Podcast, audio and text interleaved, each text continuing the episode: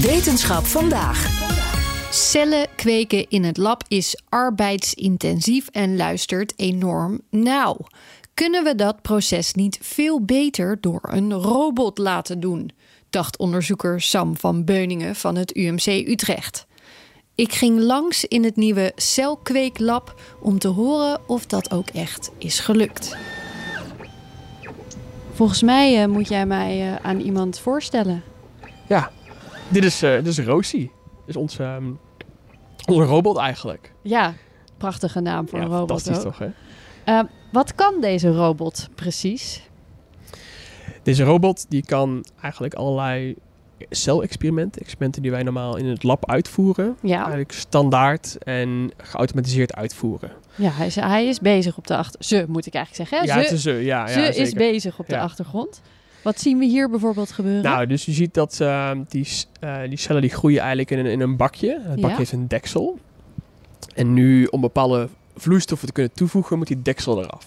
Oké, Dus zie je nu dat hij dus de, eh, de deksel eraf haalt met een vacuüm. ja, oké. Stap 1, deksel van het doosje. Ja, lijkt me handig. Ja, En nu eh, gaat die, ehm, zit de vloeistof al in. ja. En die plaat moet eigenlijk leeg. Dus er moeten nieuwe vloeistoffen toegevoegd worden. oké. Dus nu gaat die Ja, hij, Hier. brengt het bakje ergens anders naartoe. naar hier naar linksonder. Ja, En daarin zit eigenlijk een, een soort omgekeerde centrifuge. Dus hij eh, zit de plaat zit in het midden. ja, En hij centrif- en met, eh, door het ronddraaien van de plaat komen de vloeistoffen die worden naar buiten gecentrifugeerd. oké. En daardoor wordt de plaat eigenlijk leeg. Nog steeds eigenlijk zoals je de sla droog maakt. Ja, ja, ja, ja exact. Toch? Dat is ook uit, ja, vroeger. de slaadroger. Ja. precies. En het idee is dat dit, dit op een vrij eh, zachte manier gebeurt. Dat Mhm. de cellen die in het bakje zitten wel netjes blijven zitten. Oh, Oké, ja, dat is ook een belangrijke. Ja. je zei al, eigenlijk neemt deze robot dingen over die wij normaal gesproken ook in het lab doen. Zijn dat dan dingen die nu nog allemaal met de hand gebeuren? Ja, of met simpele versies van deze apparaten. Oké, maar waar, waarom eigenlijk? Als dit al kan. Is dat een beetje wetenschappers eigen? Om het gewoon lekker zelf met de hand te blijven doen als het eigenlijk al zo kan? Ja, zeker. Eh, maar ook een beetje, misschien ook een beetje, ook een, ook een beetje angst. Hè? Dus we zijn er gewoon gewend, we doen het graag op dezelfde manier. En gaat het op als het automatiseren wel goed. Ja. Mensen hebben een bepaalde angst daar denk ik ook wel in. En wat ook wel een, een- toch ook vaak een probleem is, ook een, een- het kapitaal. Weet je? Dus je- hoe ga je dit nou goed neerzetten? Eh, Ja. Daar heb je dus ook kapitaal voor nodig om dit te kunnen, kunnen bouwen. Ja, en het weer terug te verdienen, zeg maar. Juist, wat je erin stopt, dat snap ik. Ja. Kun je uitleggen wat hij precies moet kunnen? Wat hij moet kunnen is experimenten zo automatiseren en dus vloeistof op een bepaald moment toevoegen, vloeistof eraf halen. Eh, hij moet in een tijdelijk moet de, de plaat moet tijdelijk in een incubator kunnen staan, dus in een soort warm, warm bad eigenlijk voor de, voor de cellen. En hij, hij moet ook, hij zet een microscoop aan verbonden, dus hij moet ook automatisch plaatjes kunnen maken. Wat is het grootste voordeel van die stap maken? Wat, wat levert het op? Behalve een heel mooi apparaat. Standaardisatie. Zou ik zeggen. Dus als je kijkt naar hoe, als ik altijd hetzelfde experiment wil doen, dus dat, dan, eh, dan geeft een medewerker, onderzoeker eigenlijk, dan is het vaak typisch, duurt om zo'n 9 uur s ochtends en dan vijf keer per dag, tot misschien het einde van de dag 5 uur. Dan zie je toch dat het einde van de dag er anders uitziet dan 's ochtends. als je En- hetzelfde experiment zou doen, Juist. bij wijze van spreken. Ja. Ja. En daarin proberen we eigenlijk dus die, die, die variatie, die menselijke variatie, proberen we eigenlijk weg te halen door het hele proces verder te standaardiseren en het door robots te laten overnemen. En zodat eigenlijk de onderzoekers zich kunnen bezighouden met de resultaten daarmee. eh, in plaats van daadwerkelijk echt al die experimenten met de hand moeten uitvoeren. ja, en je krijgt waarschijnlijk ook meer betrouwbare resultaten, omdat elke procedure exact hetzelfde is, als het goed is. Ja, daar gaan we wel, dat is wel het idee, Ja. daar gaan we wel vanuit. Ja, Ja. ja, precies. Aan wat voor type onderzoek gaat hij bijdragen? Ja, dus wij werken voornamelijk met eh, patiëntenmateriaal Ja. waar we onderzoek op doen. Dus wij kunnen bij een patiënt een biopt afnemen of wat of cellen afnemen en tot eigenlijk of mini-orgaantjes in 3D of in 2D groeien. En dan kunnen wij medicijnen op testen. Ja. Ehm, voor gepersonaliseerde eh, geneeskunde eigenlijk. Van hoe ga je nou, welke medicijn werkt het best voor deze patiënt?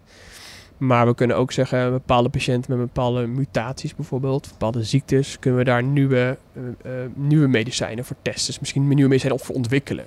En zijn er uh, onderdelen van dat type onderzoek die nog niet geautomatiseerd kunnen worden met een robot als deze, waarvan je zegt, nou dat, dat, dat gaat nog niet, maar misschien in de toekomst zou ook die stap door Rosie gedaan kunnen worden. Of een broer of zus ervan.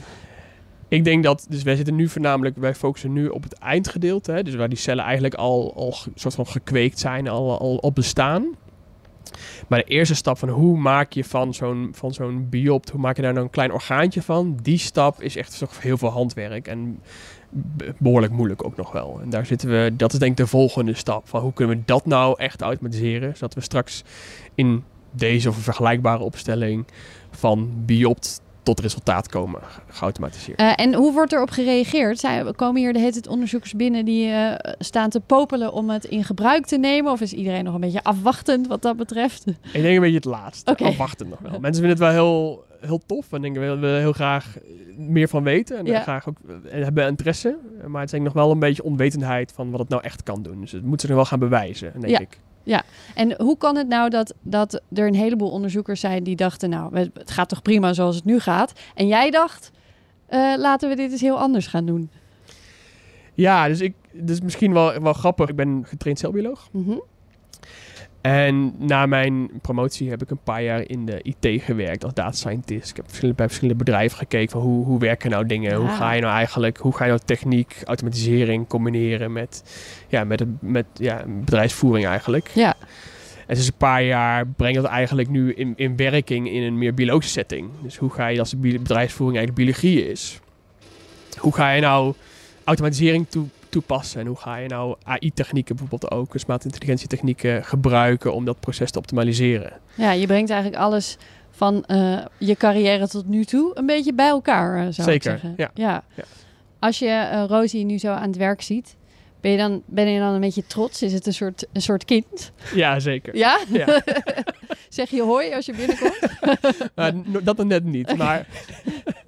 Je bent wel blij dat het allemaal goed gaat. Dat kan ik me ja, sowieso voorstellen. Ik, ik, ben vooral ook blij dat het uiteindelijk zoals het bedacht is ooit, zoals het ontworpen is, dat het uiteindelijk ook zo uit de verf komt. Dat is denk ik wel heel belangrijk. Dan wens ik jullie samen heel veel succes de komende tijd. Dankjewel.